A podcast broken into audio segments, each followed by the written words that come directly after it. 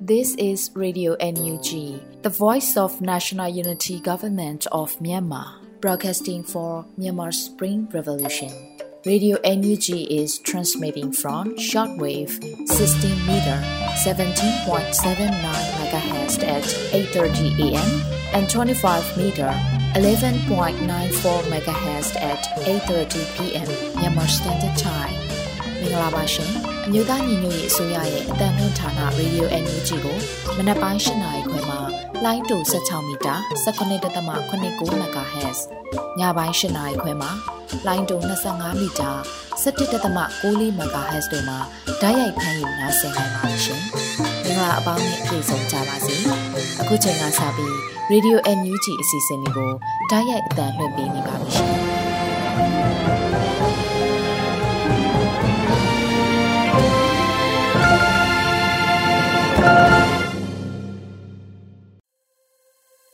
မြန်မာနိုင်ငံသူနိုင်ငံသားအပေါင်းတဘာဝပြီးစစ်အာဏာရှင်ဘေးကနေကင်းဝေးပြီးကိုစိတ်နှပါကြားမလုံးခြုံပေးကင်းကြပါစေလို့ Radio UNG အဖွဲ့သားများကစုမုံကောင်းတောင်းပေးလိုက်ပါတယ်ရှင်။အခုချိန်ကစပြီး Radio UNG ရဲ့နောက်ဆုံးရသတင်းများကိုစောတဲလူနေကဖတ်ကြားတင်ပြပေးပါမယ်ရှင်။မင်္ဂလာပါအခုချိန်ကစပြီးမနက်ပိုင်းပြည်တွင်သတင်းများကိုစတင်တင်ပြပေးပါတော့မယ်။ ပထမအဆုံးအနေနဲ့အမျိုးသားညီညွတ်ရေးဆိုရဂျားကာလာဒေသန္တရပြည်သူ့အုပ်ချုပ်ရေးဖော်ဆောင်မှုဗဟိုကော်မတီနဲ့စကိုင်းတိုင်းမကွေးတိုင်းပြည်သူ့အုပ်ချုပ်ရေးအဖွဲ့များတွိတ်ဆုံဆွေးနွေးပွဲကျင်းပတဲ့တဲ့တင်ကိုတင်ပြပေးသွားပါမယ်။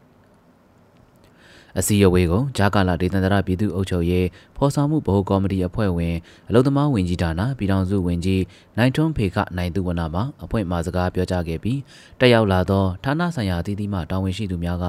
ဝင်ကြီးဌာန၏လုပ်ငန်းဆောင်ရွက်ချက်များကိုရှင်းလင်းပြောကြားခဲ့ပါတယ်။ဆက်လက်ပြီးသခိုင်းတိုင်းမကွေးတိုင်းရှိပြည်သူ့အုပ်ချုပ်ရေးအဖွဲ့များမှမြေပြင်တွင်ကြုံတွေ့နေရသည့်အခက်အခဲများနှင့်သိရှိလိုသည့်များကိုဆွေးနွေးခဲ့ကြရာတပ်ဆိုင်ရာဝန်ကြီးဌာနအလိုက်တာဝန်ရှိသူများမှပြန်လည်ဖြေကြားခဲ့ပါတယ်။အစည်းအဝေးသို့ဂျာကာလာဒေသန္တရပြည်သူ့အုပ်ချုပ်ရေးဖော်ဆောင်မှုဘိုးကော်မတီဖွဲ့ဝင်ပြည်ထောင်စုဝန်ကြီးများဒုတိယဝန်ကြီးများအမြဲတမ်းတွင်းဝင်များတွဲဖက်အမြဲတမ်းတွင်းဝင်များ ဌာနဆိုင်ရာတည်တည်မှတာဝန်ရှိသူများသကိုင်းတိုင်းမကွေးတိုင်းပြည်သူ့အုပ်ချုပ်ရေးအဖွဲ့ခေါင်းဆောင်များနဲ့အဖွဲ့ဝင်များတက်ရောက်ခဲ့ကြကြောင်းတင်ရရှိပါရခင်ဗျာအခုဆက်လက်တင်ပြပေးမှာကတော့ CDM တွေကိုချီးမြှောက်ဖို့အတွက်စဉ်းစားထားပြီးသားဖြစ်တယ်လို့ပြည်ထောင်စုဝန်ကြီးဒေါက်တာဇော်ဝေဆိုးဆိုလိုက်တဲ့သတင်းကိုတင်ပြပေးသွားပါမယ်။အဆိုပါသတင်းနဲ့ပတ်သက်၍ဖေဖော်ဝါရီလအတွင်းလူမှုတွဲဆုံပွဲမှာပညာရေးဝန်ကြီးကအခုလိုသိပေးဆိုထားပါတယ်။ CDM non CDM မူဝါဒနဲ့ပတ်သက်ပြီးတခါတည်းပြောပြထားပါမယ်။ CDM တွေကိုချီးမြှောက်ဖို့အတွက်အထူးပြောစရာမလိုပါဘူး။သူတို့ဘဝနောက်နာကလုံခြုံမှုအတွက်သားသမီးတွေအတွက်စဉ်းစားပြီးသားဖြစ်တယ်လို့ဆိုပါတယ်။ဒါအပြင် CDM နဲ့ပတ်သက်သောမူဝါဒကိုဥပဒေအဖြစ်ပြောင်းလဲသွားမှာဖြစ်ပြီးတော့နန်စီရီယန်အားလုံးကိုလည်းအရေးယူဆောင်ရွက်သွားမှာမဟုတ်ပဲခံဝင်များလဲပါဝင်မှာဖြစ်တယ်လို့ဝင်းကြီးကဆိုထားကြောင်းတင်ရရှိပါရခင်ဗျာ တဘာဝဘေးရန်ရဲ့များနဲ့ဘေးရန်ရဲ့ဆိုင်ရာထိခိုက်ဆုံးရှုံးနိုင်ခြင်းများလျှော့ချခြင်း disaster risk reduction ဆွေးနွေးပွဲကျင်းပမယ့်တဲ့ရင်ကိုတင်ပြပေးသွားပါအောင်မယ်အမျိုးသားညီညွတ်ရေးဆိုရာတယံဇာတာနဲ့တဘာဝပတ်ဝန်းကျင်ထိန်းသိမ်းရေးဝန်ကြီးဌာနမှတဘာဝဘေးအန္တရာယ်များနဲ့ဘေးအန္တရာယ်ဆိုင်ရာထိခိုက်ဆုံးရှုံးနိုင်ခြင်းများလျှော့ချခြင်း Disaster Risk Reduction ခေါင်းစဉ်ဖြင့်ဆွေးနွေးပွဲတစ်ရက်ကို2023ခုနှစ်ဖေဖော်ဝါရီလ26ရက်နေ့တနင်္ဂနွေနေ့မြန်မာစံတော်ချိန်ည9:00နာရီတွင်ကျင်းပသွားမှာဖြစ်ပါတယ်။ ဆွေးနွေးပွဲတွင်သဘာဝဘေးရန်ရဲ့ဆိုင်ရာအကြောင်းအရာများဘေးရန်ရဲ့ဆိုင်ရာထိခိုက်ဆုံးရှုံးနိုင်ခြင်းများရှော့ချခြင်း၏အရေးပါပုံများနှင့်တဦးတယောက်မှစ၍မိတို့မိဘုံပါဝင်နိုင်သည်များကိုအမျိုးသားညီညွတ်ရေးဆိုရာလူသားချင်းစာနာထောက်ထားရေးနှင့်ဘေးရန်ရဲ့ဆိုင်ရာစီမံခန့်ခွဲရေးဝန်ကြီးဌာနမှပြည်ထောင်စုဝန်ကြီးဒေါက်တာဝင်းမြတ်အေးနှင့်ဘေးရန်ရဲ့စီမံခန့်ခွဲမှုဆိုင်ရာပြင်ပပညာရှင်တဦးတို့မှဆွေးနွေးပြောကြားသွားမှာဖြစ်ပါတယ်။ဆွေးနွေးပွဲကိုတယန်ဇာတာနှင့်တဘာဝပတ်ဝန်းကျင်ထိန်းသိမ်းရေးဝန်ကြီးဌာန MONREC NUG လူသားချင်းစာနာထောက်ထားရေးနှင့် BND ရဲ့ဆိုင်ရာစီမံခန့်ခွဲရေးဝန်ကြီးဌာန MOHADM Public Voice Television Radio NUG တို့၏ Facebook စာမျက်နှာများတွင်ဒါရိုက်ထုတ်လွှင့်သားမှာဖြစ်ကြောင်းတင်ရရှိပါရခင်ဗျာအကြံဖက်စစ်ကောင်စီကစေအုပ်ချုပ်ရေးကြီးညာထားတဲ့မြို့နယ်ပေါင်း48မြို့ထိရှိလာတဲ့သတင်းကိုတင်ပြပေးသွားပါမယ်။ဖေဖော်ဝါရီလ23ရက်နေ့မှာအဆိုပါသတင်းနဲ့ပတ်သက်၍ Data for Myanmar ကအခုလိုသိပေးဖော်ပြထားပါတယ်။စကိုင်းတိုင်းကရွှေဘိုဝက်လက်နဲ့အရာတော်မြို့နယ်တွေကိုစစ်အုပ်ချုပ်ရေးကျင့်သုံးဖို့စစ်ကောင်စီကဖေဖော်ဝါရီလ22ရက်နေ့မှာကြေညာလိုက်ပါတယ်။အဲဒါကြောင့်2023ခုနှစ်ဖေဖော်ဝါရီလ23ရက်နေ့ထိခြေနေရစစ်အုပ်ချုပ်ရေးကြီးညာထားတဲ့မြို့နယ်ပေါင်း48မြို့နယ်ရှိလာပြီဖြစ်ပါတယ်လို့ဆိုထားပါတယ်။ပြည်ထောင်စုဝန်ကြီးချုပ်မန်းဝင်းခိုင်တန်းက အစိုးရအဖွဲ့အစည်းအစည်းအဝေးတွင်ပြောပြချက်အရလဲစစ်ကောင်စီဟာနယ်မြေထိန်းချုပ်နိုင်ခြင်းမရှိသေးတဲ့ဒေသတွေမှာစစ်အုပ်ချုပ်ရေးနဲ့စစ်ဘက်တရားစီရင်ရေးကိုပြဋ္ဌာန်းတယ်လို့ပြောပြီးပြည်သူတွေကိုအနိုင်ကျင့်ချိန်ချောင်းမှုတွေရက်ဆက်တဲ့စစ်ရာဇဝတ်မှုကျူးလွန်မှုတွေနဲ့ပြည်သူအင်အားကိုချိနဲ့အားနဲ့အောင်ပိုတိုးပြီးလှုံ့ဆော်လာမှာဖြစ်တယ်လို့ဆိုထားကြောင်းတင်ရရှိပါရခင်ဗျာအခုဆက်လက်ပြီးကမ္ဘာလုံးဆိုင်ရာနိုင်ငံအဆင့်လူခွင့်ရေးဌာနများမဟာမိတ်ဖွဲ့ GANHRIE နှစ်ပတ်လည်စည်းဝေးသို့ပါဝင်တက်ရောက်ရန်မြန်မာနိုင်ငံမျိုးသားလူ့ခွင့်ရေးကော်မရှင် MNHRCR ဖိတ်ကြားမှုပေါ်ရုပ်သိမ်းရန်တောင်းဆိုလိုက်တဲ့သတင်းကိုတင်ပြပေးသွားပါမယ်။ဖေဖော်ဝါရီလ23ရက်နေ့မှာကမ္ဘာလုံးဆိုင်ရာနိုင်ငံအဆင့်လူ့ခွင့်ရေးဌာနများမဟာမိတ်အဖွဲ့ထံသို့အိတ်ဖွင့်ပေးစာတစ်စောင်ကိုအာရှဒေသနိုင်ငံအဆင့်လူ့ခွင့်ရေးရာဌာနများဆိုင်ရာအစိုးရမဟုတ်သောအဖွဲ့အစည်းများကွန်ရက် ENNI ကပေးပို့ခဲ့ပါတယ်။ 2023ခုနှစ်မတ်လ14ရက်နေ့မှ16ရက်နေ့ထိဆွစ်ဇာလန်နိုင်ငံဂျနီဗာမြို့တွင်လူတွေ့ကျင်းပမည်ကမ္ဘာလုံးဆိုင်ရာနိုင်ငံအဆင့်လူ့ခွင့်ရေးဌာနများမဟာမိတ်အဖွဲ့ GANHRIE နှစ်ပတ်လည်စည်းဝေးသို့ပါဝင်တက်ရောက်ရန်မြန်မာနိုင်ငံအမျိုးသားလူ့ခွင့်ရေးကော်မရှင် MNHRC ကဖိတ်ကြားမှုအပေါ်မိမိတို့လွတ်လပ်သောနိုင်ငံအဆင့်လူ့ခွင့်ရေးဌာနဆိုင်ရာအရက်ဖက်လူမှုအဖွဲ့အစည်းများအလုပ်အဖွဲ့ အာရှဒေသနိုင်ငံအဆင့်လူ့ခွင့်ရေးဌာနများဆိုင်ရာအစိုးရမဟုတ်သောအဖွဲ့အစည်းများကွန်ရက် ANNI တို့ကအပြင်းထန်ဆုံးကန့်ကွက်ရှုတ်ချပါတယ်လို့ဖော်ပြပါရှိပါတယ်။ MNHRC သည်ကြာရှုံးနေသောစစ်ကောင်စီ၏မတရားအာဏာသိမ်းမှုစတင်ခဲ့သည့်2021ခုနှစ်ဖေဖော်ဝါရီလ1ရက်နေ့မှစတင်၍ မြန်မာစစ်အုပ်စုကိုကိုစားပြုသောအဖွဲ့အစည်းသာဖြစ်တဲ့ကဲ့သို့မြန်မာပြည်သူများအပေါ်စစ်အုပ်စုကကျူးလွန်နေသောဆိုးရွားလာသည့်လူခွင့်ရေးချိုးဖောက်မှုများနှင့်ရက်ဆက်ကြမ်းကြုတ်သောရာဇဝတ်မှုများတွင်လည်းအလိုတူလိုပါဖြစ်နေသဖြင့် MNHRC အားဖိတ်ကြားထားမှုကိုရုပ်သိမ်းရန်မိမိတို့မှလေးနက်စွာတိုက်တွန်းတောင်းဆိုအပ်ပါသည်လို့ဆိုထားကြောင်းတင်ရရှိပါရခင်ဗျာအခုတင်ပြပေးမှာကတော့အောင်ပွဲ application ကဝင်ငွေတိုးလာပြီးတရက်ထဲစစ်သိန်းကျော်ရရှိခဲ့တဲ့သတင်းပဲဖြစ်ပါတယ်။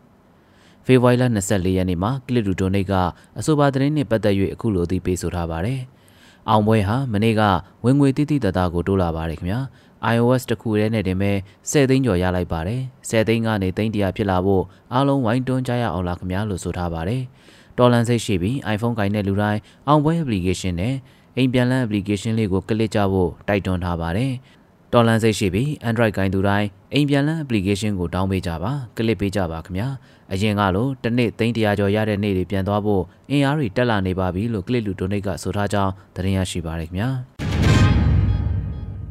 ရွှေဘိုမြကြီးနားလမ်းမပေါ်ရှိစပယ်နယ်တာစစ်ကောင်စီတပ်အထိုင်စခန်းအားလက်နက်ကြီးဖြင့်တိုက်ခိုက်ခဲ့တဲ့တဲ့ရင်ကိုတင်ပြပေးသွားပါဦးမယ်ဖေဖော်ဝါရီလ24ရက်နေ့မှာအဆိုပါစည်ရေးတဲ့ရင်ကိုလင်းယုံနီကအခုလိုသိပေးဆိုထားပါတယ်။ ဖေဖော်ဝါရီလ23ရက်နေ့တွင်ရွှေဘိုမြေကြီးနားလမ်းမပေါ်ရှိဇပဲနတာအထိုင်စခန်းအားနေမြေကန်ပကဖအဖွဲ့များနှင့်လယုံနီကမ်ဘလူအဖွဲ့တို့မှလက်နက်ကြီးဖြင့်ခုနှစ်ချက်ပစ်ခတ်တိုက်ခိုက်ခဲ့တယ်လို့ဆိုထားပါတယ်။အဆိုပါလက်နက်ကြီးကြီးဟာစခန်းတွင်ကြားရောက်ပောက်ကွဲခဲ့ပြီးသုံးပွင့်အဆင့်ရှိစစ်ကောင်စီတပ်ကတအူးထိခိုက်ဒေဆုံးခဲ့ပြီးအခြားထိခိုက်ဒဏ်ရာရရှိသူများလည်းရှိကြောင်းသတင်းရရှိပါရခင်ဗျာ။ မုံရွာမြို့ညောင်မင်ဆောက်လောက်ဝကရုံးတွင်တက်ဆွဲထားသောစစ်ကောင်စီတပ်ဖွဲ့ဝင်များကို RPG 7ဖြင့်အလစ်ဝင်ရောက်ပစ်ခတ်တိုက်ခိုက်ရာစစ်ကောင်စီတပ်မှ၄ဦးပွဲချင်းပြီးတိုက်ဆုံခဲ့တဲ့တဲ့ရင်အားတင်ပြပေးသွားပါဦးမယ်။ဖေဖော်ဝါရီလ24ရက်နေ့မှာမုံရွာမြို့ညောင်မင်ဆောက်လောက်ဝကရုံးတွင်တက်ဆွဲထားသောစစ်ကောင်စီများကို RPG 7ဖြင့်ပစ်ခတ်ခဲ့တယ်လို့မုံရွာခရိုင်ပြည်သူ့ကာကွယ်ရေးတပ်မတော်ချင်းတွင် Attack Force ကအခုလိုတည်ပြုဆိုထားပါတယ်။ မုံရွာမြို့ညောင်မင်ဆောက်လဘကရုံးတွင်တက်ဆွဲထားသောစစ်ကောင်စီတပ်များကို RPG 7 ဖြင့်အလစ်ဝင်ရောက်ပစ်ခတ်တိုက်ခိုက်ခဲ့ပါတယ်။ပစ်ခတ်မှုကြောင့်စစ်ကောင်စီတပ်မှ၄ဦးနေရာတွင်တိုက်ဆုံခဲ့ပါတယ်။စစ်စင်ရေးကိုမုံရွာခရိုင်ပြည်သူ့ကာကွယ်ရေးတပ်မတော်ချင်းတွင် Attack Force တရင်နှင့်တရင်3တရင်4အထူးကွန်မန်ဒိုတပ်ဖွဲ့မုံရွာ The Boys မုံရွာခရိုင်တရင်4တပ်ခွဲ4 Teachers People Defense Force PDF မုံရွာခရိုင်တရင်9 Lightning People Defense Force မော်လိုက်ခရိုင်တပ်ရင်းနှင့် Springdorf Garuda King JJF PDF South မုံရွာတို့ပူးပေါင်းပါဝင်ဆင်နွှဲခဲ့ကြောင်းသတင်းရရှိပါရခင်ဗျာတကြံကာလာရန်ကုန်မြို့တွင်ကျင်းပမည့်ရန်ကုန်တကြံ Festival တွင်ပါဝင်မည့် Yellow Claw အဖွဲ့အားပြည်သူလူထုအနေဖြင့်ကန့်ကွက်စာပေးပို့ကြပါရန် YRF ကတောင်းဆိုလိုက်တဲ့သတင်းကိုတင်ပြပေးသွားပါမယ်။အဆိုပါသတင်းနှင့်ပတ်သက်၍ဖေဖော်ဝါရီလ24ရက်နေ့မှာရန်ကုန် YRF ကအခုလိုအသိပေးဆိုထားပါတယ်။ စစ်ကောင်စီဟာ၎င်းတို့၏အုပ်ချုပ်မှုရန်တရားအသက်ဝင်စေရန်ဤမျိုးစုံဖြင့်စောင်းရွက်လျက်ရှိပြီးပွဲလန်းသဘင်များကျင်းပကာလူစီကားအောင်ပြုလုပ်ရန်ကြိုးပမ်းခြင်းသည်လည်းတခုအပါဝင်ဖြစ်ပါတယ်။တကြံကာလတွင်လည်း၎င်းတို့ဖြင့်စီးပွားဆက်နွယ်မှုမကင်းသည့်အဖွဲ့များနှင့်လူပုဂ္ဂိုလ်များမှလည်းနိုင်ငံတကာ DJ များဖိတ်ခေါ်ကာပွဲကျင်းပရန်စီစဉ်လျက်ရှိပါတယ်။ထိုပွဲများတဲ့တွင်ရန်ကုန် Music Festival သည်လည်းတခုအပါဝင်ဖြစ်ပါတယ်။ ရန်ကုန် Music Festival ၏ headliner အဖြစ် Yellow Claw အားဖိတ်ခေါ်ထားသည်ဟုသတင်းအတိအကျရရှိထားသဖြင့်ကျွန်ုပ်တို့တော်လိုင်းအင်အားစုများသည်အောက်ပါစာအား Yellow Claw ထံသို့အီးမေးလ်ပေးပို့ခဲ့တော်လဲယနေ့အထိအကြောင်းပြန်ခြင်းမရှိခဲ့ပါလို့ဆိုထားပါတယ်။ Yellow Claw အနေဖြင့်ထိုဖျော်ဖြေပွဲအပါအဝင်တော်လိုင်းကာလာအတွင်းပြုလုပ်မည်အခြားမည်သည့်ဖျော်ဖြေမှုပွဲအားလုံးတွင်ပါဝင်ပတ်သက်ခြင်းမပြုရန်ကျွန်ုပ်တို့မှတောင်းဆိုထားပြီးပြည်သူများအနေဖြင့်လည်း Yellow Claw ၏အီးမေးလ်နှင့် social media စာမျက်နှာများသို့ comment အားဖြင့်တော်၎င်း message ပို့ခြင်းဖြင့်တော်၎င်းဝိုင်းဝန်းပြုလုပ်ပေးကြပါရန်တောင်းဆိုအပ်ပါတယ်လို့ရန်ကုန် YRF ကဖော်ပြထားကြောင်းသတင်းရရှိပါရခင်ဗျာအခုတင်ပြခဲ့တဲ့သတင်းတွေကိုတော့ Radio NUG သတင်းတောက်မင်းမင်းကပေးပို့ထားတာပဲဖြစ်ပါတယ်ကျွန်တော်စောတဲလူနေပါ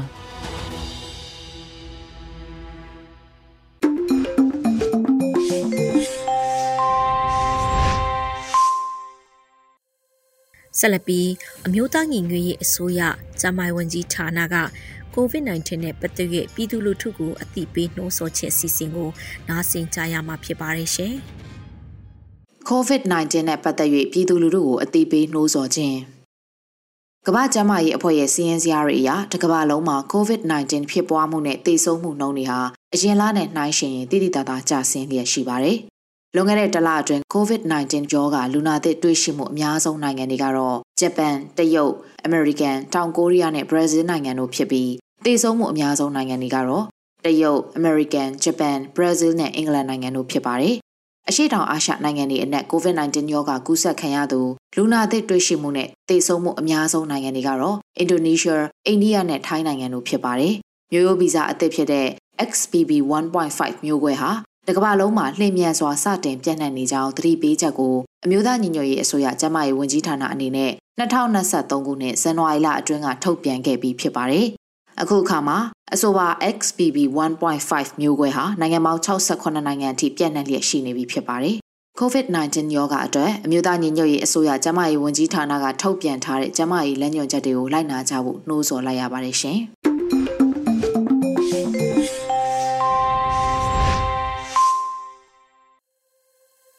Radio UNG မှာဆက်လက်တန်လှန်ပေးနေပါတယ်။ဆက်လက်ပြီးပြည်သူခုခံစစ်တရင်များကိုမင်းနိုင်တွေဦးကဖတ်ကြားတင်ပြပေးပါမယ်ရှင်။ပထမဦးစွာဒီတကြိုမှာစစ်ကြောင်းကိုမိုင်းဆွဲတိုက်ခိုက်မှုကားနစီပျက်စီးတဲ့တရင်တင်ဆက်ပါမယ်။မကွေတိုင်းရေတကြိုမြို့နယ်ခလာရ258တပ်အတွင်းမှာအိမ်စီကား3စီးဖြင့်ထွက်လာတဲ့စစ်ကြောင်းကိုမိုင်းဆွဲတိုက်ခိုက်ခဲ့ရာကားနစီပျက်စီးခဲ့ကြောင်း ရေစကြိုမြို့နယ်ပြည်သူ့ကာကွယ်ရေးတပ်ဖွဲ့ကထုတ်ပြန်ပါတယ်။ဖေဖော်ဝါရီလ23ရက်နေ့မွန်းလဲတနာရီခန့်အချိန်ခလာရ258တပ်အတွင်းမှာ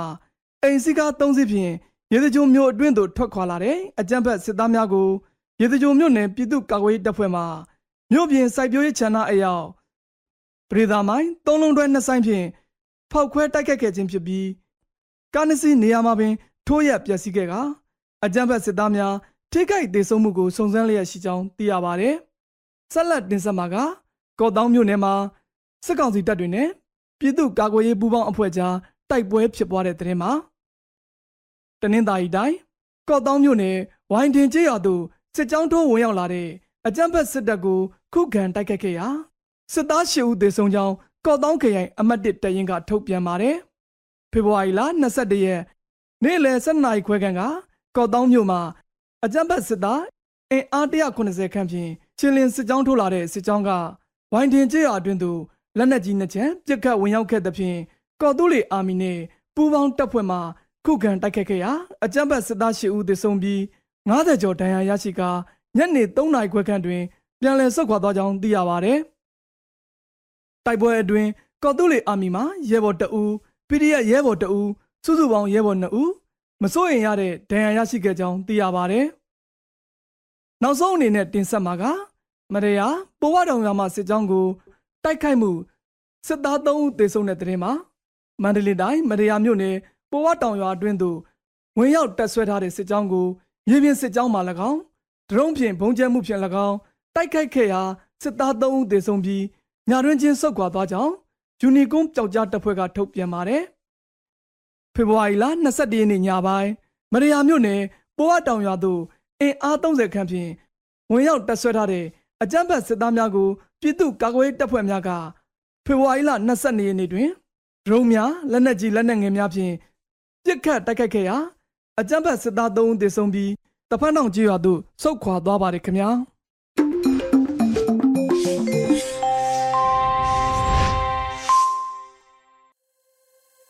Radio UNG ရဲ့တော်လှန်တေးဂီတအစီအစဉ်ကနေ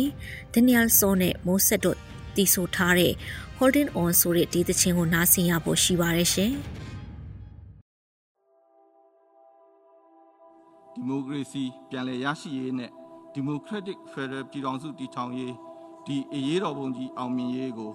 မိမိတို့အလွန်အသီးသီးမှပြည်သူပြည်သားများအားလုံးစီစီလုံးလုံးညီညီညွတ်ညွတ်နဲ့ အတူတကွလက်တွဲဆောင်ရွက်နေတာကိုအထူးကျေးဇူးတင်ရှိပါတယ်ပြည်သူသားအဓိကပါ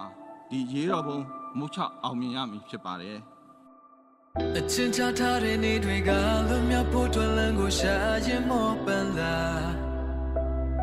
ပြန်လမ်းရှိတော့တဲ့ဘဝတွေကချွေသိပ်ဖို့တွင်နာကိုစရာရောရှိပါမလားဧကလွန်တဲ့မိုးတန်ကြစားတော့ဖို့တွင်ရိတ်ခါတွေရောလာရဲ့လားအလုံး ပြီးဆုံးသွားချိန်တန်ငါတွင်ငိမ့်ချမ်းတဲ့တန်စင်များရှိအောင်လားအပြေရှာမရတဲ့အိမ်မက်လို့ကြောက်ကြောက်ချနေ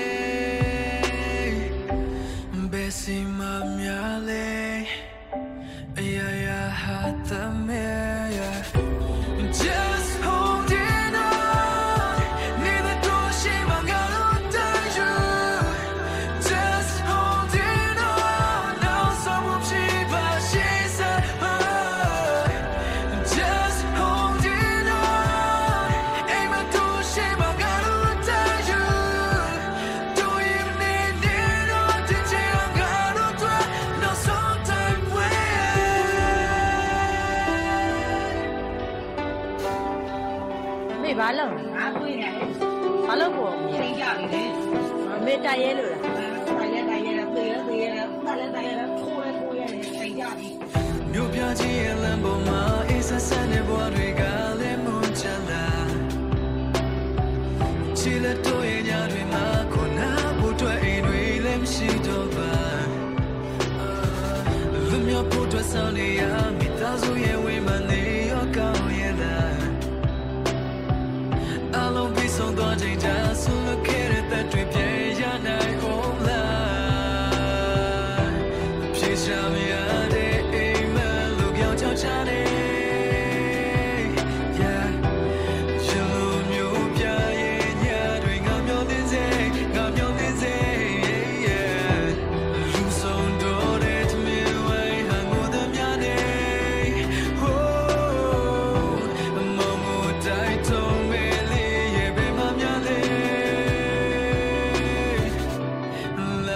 你知道我放成啥样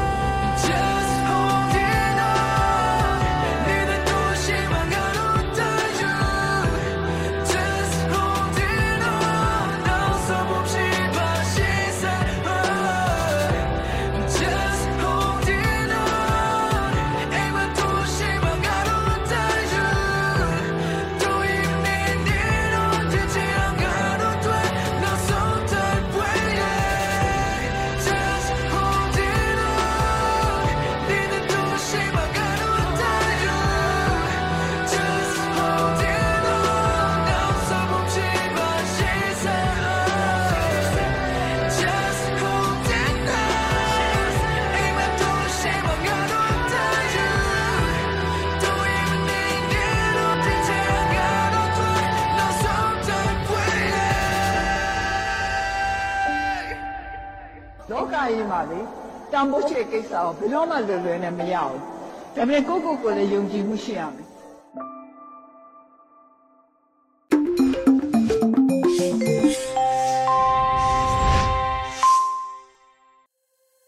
ယခုဆက်လက်ပြီး PPTV ရဲ့နေ့စဉ်သတင်းများကိုရင်းကဖတ်ကြားတင်ပြပေးပါမယ်ရှင်။အခုချိန်ကစပြီး PPTV သတင်းတွေကိုတင်ဆက်ပေးပါရမယ်ကျွန်မရိမ့်ပါ ပထမဆုံးတင်ဆက်မှာကတော့ PSLF TNLA ဒုတိယစစ်ဦးစီးချုပ်ဗိုလ်မှူးကြီးတာအလှခ တာမှုဆဲကွယ်လွင်တာကြားသိရတဲ့အတွက် NUG ဝန်နေကြောင်းတဝန်လွှာပေးပို့တဲ့သတင်းမှာဗလောင်လွတ်မြောက်ရေးတပ်ဦးတအောင်အမျိုးသားလွတ်မြောက်ရေးတပ်မတော် PSLF TNLA ဒုတိယစစ်ဦးစီးချုပ်ဗိုလ်မှူးကြီးတာအလှခတာမှုဆဲအသက်64နှစ်ဟာဖေဖော်ဝါရီလ22ရက်မှာကွယ်လွန်တာသိရတဲ့အတွက်အမျိုးသားညွရေးအစိုးရကဝန်내ကြောင်းတဝန်လွှာပေးပို့ခဲ့ပါတယ်။ ဗိုလ်မှူးကြီးတားအလော်ခတားမှုဆဲကနှစ်ပေါင်း40ကျော်တအောင်အမျိုးသားတွေအဖိနှိတ်ခံဘဝကနေလွတ်မြောက်ရေးနဲ့ဆီအနာရှင်စနစ်ချုပ်ငြိမ်းရေးအတွက်တစိုက်မတ်မတ်ကြိုးပမ်းဆောင်ရွက်ခဲ့တဲ့စံပြပုဂ္ဂိုလ်တစ်ယောက်လည်းဖြစ်ပါတယ်။ဗိုလ်မှူးကြီးတားအလော်ခတားမှုဆဲရဲ့တော်လှန်ရေးအတွက်ပေးဆက်မှုတွေအတွက်တမိုးထားလေးစားကုန်ပြုကြောင်းနဲ့ကောင်းရဘုံဘဝမှာငြိမ်းချမ်းစွာအနားယူနိုင်ပါစေကြောင်းတဝန်လွှားနဲ့အတူဖော်ပြလိုက်ပါတယ်။ အခုတင်ဆက်မှာကတော့ပြည်ထောင်ရေးနဲ့လူဝမှုကြီးကြပ်ရေးဝန်ကြီးဌာနနဲ့ခရိုင်ပြည်သူ့အုပ်ချုပ်ရေးအဖွဲ့များတွဲဆုံဆွေးနွေးတဲ့သတင်းမှာအမျိုးသားညွရေးအစိုးရပြည်ထောင်ရေးနဲ့လူဝမှုကြီးကြပ်ရေးဝန်ကြီးဌာနနဲ့ခရိုင်ပြည်သူ့အုပ်ချုပ်ရေးအဖွဲ့များတွဲဆုံဆွေးနွေးပွဲအစည်းအဝေးရှစ်မြင်ဆောင်2023ကိုဖေဖော်ဝါရီ23ရက်မွန်းလွဲ3နာရီမှာပြုလုပ်ခဲ့ကြပါတယ်။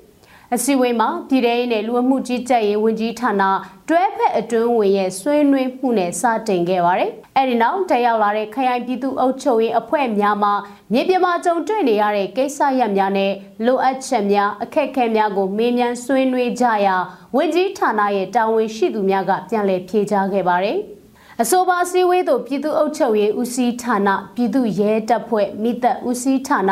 လူဝမှုကြီးကြပ်ရေးဦးစီးဌာနအထူးစုံစမ်းထောက်လှမ်းရေးဦးစီးဌာနတို့မှတာဝန်ရှိသူတွေနဲ့ခရိုင်ပြည်သူ့အုပ်ချုပ်ရေးအဖွဲ့များတက်ရောက်ခဲ့ကြတယ်လို့ပြည်ထောင်ရေးနဲ့လူဝမှုကြီးကြပ်ရေးဝန်ကြီးဌာနကသတင်းထုတ်ပြန်ပါတယ်။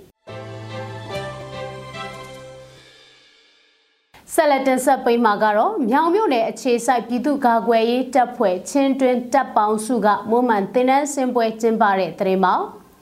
စကိုင်းတိုင်းမြောင်မြို့နယ်အခြေစိုက်ပြည်သူ့ကာကွယ်ရေးတပ်ဖွဲ့ချင်းတွင်တပ်ပေါင်းစုရဲ့မွမ်းမံတင်နန်းစင်ပွဲကိုဖေဖော်ဝါရီ20ရက်ကကျင်းပပြုလုပ်ခဲ့ပါတယ်။တင်နန်းသားတွေကအမျိုးသားညွရေးအစိုးရကာကွယ်ရေးဝန်ကြီးဌာနအလံလွှတ်တင်ခဲ့ပြီးအလေးပြုခြင်းအခမ်းအနားသက်စာအဋိဌံဆိုခြင်းနဲ့စိတ်ရေးပြအခမ်းအနားတွေနဲ့ကျင်းပခဲ့တာပါအဲ့ဒီတင်နန်းစင်ပွဲကိုမြို့နယ်ပကဖ ပါအဖပါလာဖတာဝန်ခံတွေတိုက်နယ်ပကဖပါအဖပါလာဖတာဝန်ခံတွေနဲ့တိုက်ရင်တပ်ဖွဲ့ဝင်တွေတက်ရောက်ခဲ့ကြပါတယ် ချင်းတွင်းတပ်ပေါင်းစုဟာတိုက်နယ်အဖွဲ့တစ်ဖွဲ့ဖြစ်ပြီးအကြမ်းဖက်ဆရာနာရှင်ဖြုတ်ချရေးတော်လှန်ရမှာအခြားတော်လှန်ရေးတပ်ဖွဲ့တွေနဲ့ပူးပေါင်းချိတ်ဆက်ဆောင်ရွက်ရမှာဖြစ်တယ်လို့ချင်းတွင်းတပ်ပေါင်းစုတာဝန်ခံဖိုးစီကပြောပါတယ်။ပြည်သူ့ကာကွယ်ရေးတပ်ဖွဲ့တွေရဲ့လိုအပ်ချက်တွေအပြင်စစ်ရေးကိစ္စတွေဖြစ်တဲ့ကာကွယ်ရေးကိစ္စတွေမှာအတူပူးပေါင်းဆောင်ရွက်ဖို့ဖွဲ့စည်းထားတဲ့အရန်တပ်ဖွဲ့တစ်ခုလည်းဖြစ်တယ်လို့ဆိုပါတယ်။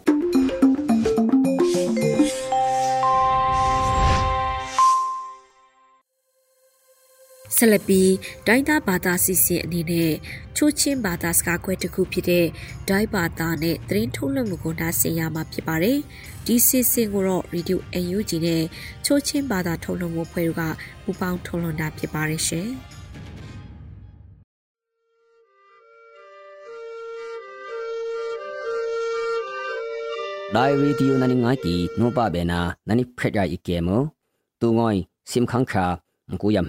dai video nani ngai ki no pa be na nani phet ya ikemo tu ngoi sim khang kha ku yam ha khun su ma tung hung ya ka thu thak tung e sun ke dai so lai no kaning yam thelo tu khai ni aksuka ctf ha kha da se sang hi wang be tu ki tia thang ang hi na ka se sapu a pe um na kung puking ka le na ang thanung tok tam hu thang da ani pet be u tia thang pisang nam na no ngui shun am sa ya เซคุกิปุงยากูเอกีติลู CTF กัมเบลนอเป็ดกีเตียทังอัพุนากามีนตัมลุนเฮอาอีออกอพูกายลู ลุมเอวายาคริกตัวเอลูอังระเตียทังเงยางไงตูขยนี้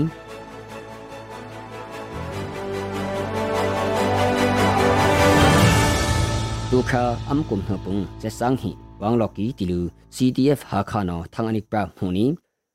อาสุนหอยสุนทันตลันเซสางอนหันนิชาวลียงกานอวังลอกีหอยอนิตยากากีเซสาหอยสุนุงลอยกกีสุงวยยาเปลูอุบนักเปดาอนิพาวี ani am sim sang tilu CDF ha kha thang huni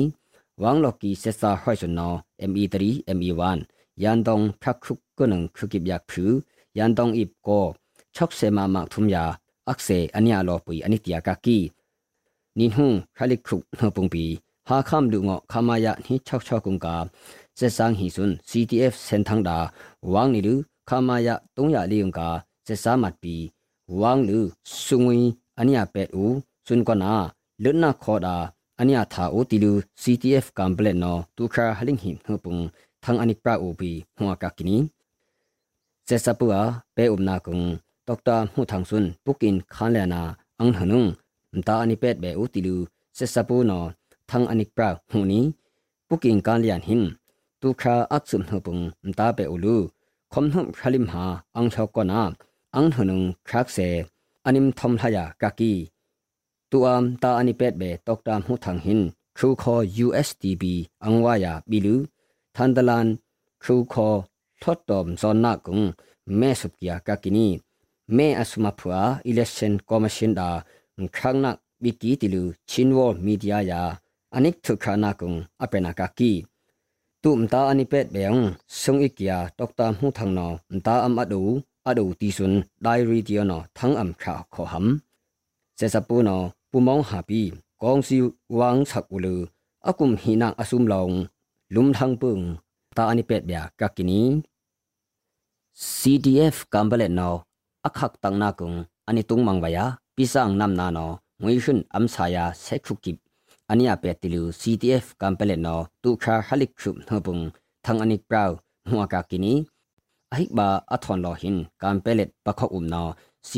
lum thang pung ta ani pet bya ka kini CDF Kambalet now akhak tangna kung ani tung mangwaya pisang namna no ngwishun amsaya sekhukip ania petilu CTF kampele no tu kha halik khup nopung thang anik praw huwa ka kini ahik ba athon lo hin kampelet pakho um no CTF akhak tak e pisang namnang aniam the huwa khulu tun e loki anitia ka kini pisang namna ahik ba aningi to aphu ye kai ni ahik ba pek um pek pung ka abung pung po wai CTF complet no yang hui nak ya ka ki khu se hin khu kham ya anim thim e se tu mata aphu hin ting halim ha ya halik kheta uma vekia ka kini men dam lun he a sang situi akdama မင်းဒမ်လွန်ဟဲဆန်းစီတွီအက်ဒမအဖူကာအီလူနိသူအေကွန်ခရစ်တူအေလူအင်္ဂါတီလူမလူမအေနောပက်ကီယကကီနီတူအကုမ်စင်ခန်းခါဟိနုံအေအော့ကုခရီခေါ်ဝိုင်ကုရာအေခေါ်ဝါယာကကီအနိတီဝါကကီနီမင်းဒမ်လွန်ဟဲဆန်းအိမန်ဟင်တော့ဖြူကနုံသောမဟာယာတော့မဟန်လကာဝက်ကီအနိတီယာကကီဆုနုံပီခလုဘီကီယဖူတာအေအော့ ลุมลอกอีกีติลูไดรีติยงอันิมเทลวากากีเอออกอัทูดึกกูนิกียาพุ่งดนปีอันยากโปรกซีเป็ดวาทอนดืมทั้งเล่าเอไวปีอามิวอันิตยากากีมินตามลือุงกันอมากุยขอจอกถูเนดาสังคอีไวอันนิมกัดอวผัวคอีไวยุงปีมตามาเอดายามทางมาไว้ติลูจอกถูปะขอกอุมนอตูคาอาหามเฮบุงทางอนิกปราอูหูนี้ မင်းတပ်လူဥမာအေအောက်လုံလောက်လပီစေစပိုနောလမ်အနိခိုင်နတ်နမေဒါတာအေအောက်အမ်ဆူမာခကီအနိတယာကကီဆုငါကီနုပဘေနာနင်းယယေနာနီလောဘေတုကီခွန်းစုံတူတယာနင်းခုမ်ဘေတုကောမူ